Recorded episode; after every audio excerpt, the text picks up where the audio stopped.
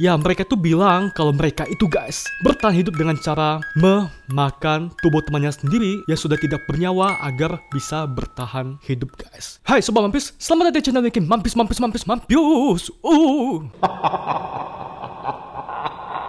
So guys, kali ini aku mau nyeritain tentang sebuah tragedi yang dialami oleh para pemain rugby dan keluarganya. Dan sampai-sampai guys, karena kecelakaan pesawat yang dialami oleh mereka, mereka itu harus sampai memakan tubuh teman mereka sendiri yang sudah tidak bernyawa untuk bertahan hidup di tengah dinginnya salju guys, agar nggak mati kelaparan. Dan seperti biasa, sebelum kita mulai please klik subscribe dan tanda lonceng sebagai support ke muka aku, agar aku lebih semangat lagi untuk bikin video berkualitas dan menghibur. Kalau sudah kita mulai. Satu, dua, tiga. Tragedi ini itu terjadi pada tanggal 13 Oktober 1972. Ya, belum lama-lama banget sih. Ya lumayan lah. Jadi pada saat itu ada sekitar 44 orang yang mau terbang dengan pesawat terbang ke Santiago, Chile. Dari Montevideo, Uruguay. Dengan pesawat flight 571 guys. Jadi tujuan mereka itu terbang ke tempat tersebut adalah untuk menonton pertandingan rugby. Dan asal kamu tahu aja, hampir seluruh penumpang yang ada di pesawat tersebut adalah pemain rugby guys beserta kerabatnya.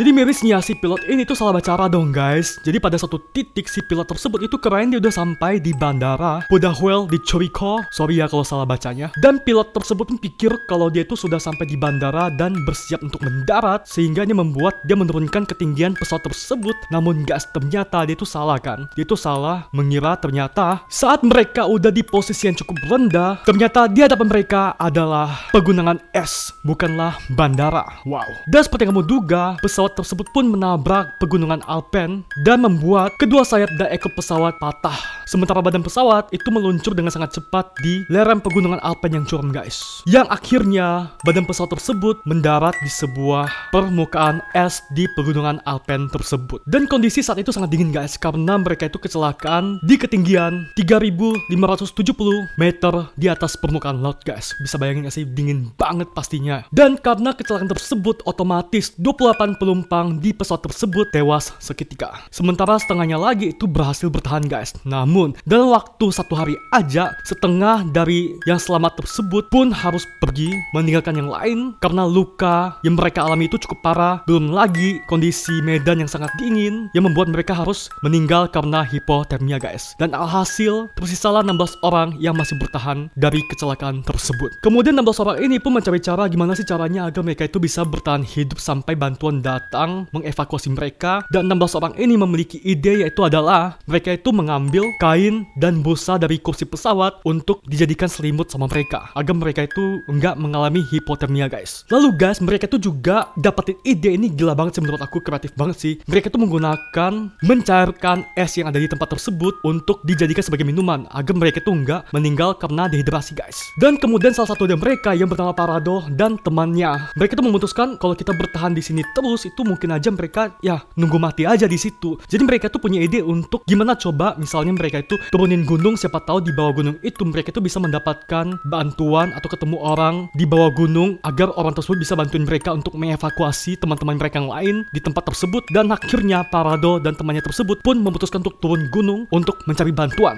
Dan mereka pun turun gunung Parado bersama temannya. Namun guys butuh waktu yang cukup lama untuk sampai ke kaki gunung yaitu adalah selama 10 hari guys. Dan selama 10 hari tersebut mereka tuh harus melewati medan yang gak mudah. Dari bergelantungan di tepi tebing yang curam dan dingin banget pastinya. Dan mereka tuh juga harus mencari makanan untuk bertahan hidup selama 10 hari tersebut. Dan alhasil 10 hari pun lewat dan akhirnya mereka pun sampai ke kaki gunung tersebut. Dan ya syukurnya mereka pun menemukan seseorang yang bernama Sergio Catalan. Jadi Sergio ini adalah salah satu penduduk yang tinggal di sekitar kaki gunung tersebut. Setelah Sergio diceritakan sama si Parado kalau mereka itu baru aja mengalami kecelakaan beberapa minggu yang lalu di pegunungan Andes akhirnya dengan cekatan Sergio pun mencari bantuan agar dapat mengevakuasi para penumpang yang lain guys. Dan alhasil pada hari ke-72 yaitu tepatnya pada tanggal 23 Desember 1972 mereka semua pun berhasil dievakuasi dengan selamat yaitu totalnya adalah sebanyak 16 orang guys. Dan peristiwa ini atau kecelakaan ini itu juga dikenal sebagai 1972 Andes Plane Crash. Ya, yang artinya adalah kecelakaan pesawat yang terjadi pada tahun 1972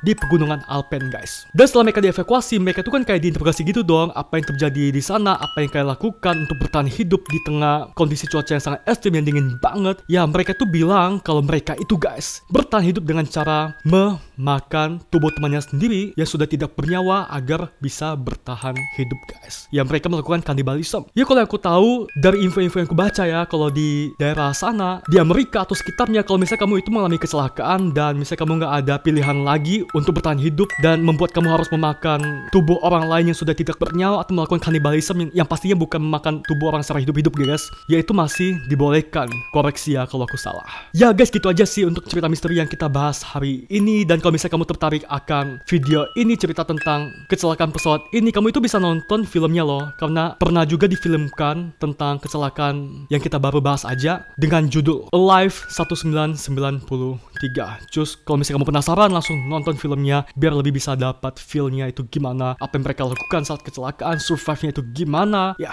dan mungkin bisa kita pelajari dari cerita misteri yang baru saja kita bahas adalah sebelum kamu pergi ke mana pun mau naik pesawat atau mau beli bakso doang mungkin jangan lupa berdoa, oke? Okay? Dan pasrah aja. Uh, dan sekedar video ini please klik subscribe dan tanda lonceng sebagai support kamu ke aku. Jadi kalau misalnya kau upload video baru, kamu jadi orang pertama yang nonton, oke? Okay? Dan jangan lupa tekan like dan share agar teman-teman kamu juga tahu akan peristiwa yang pernah terjadi ini dan sampai ketemu di video selanjutnya. Bye.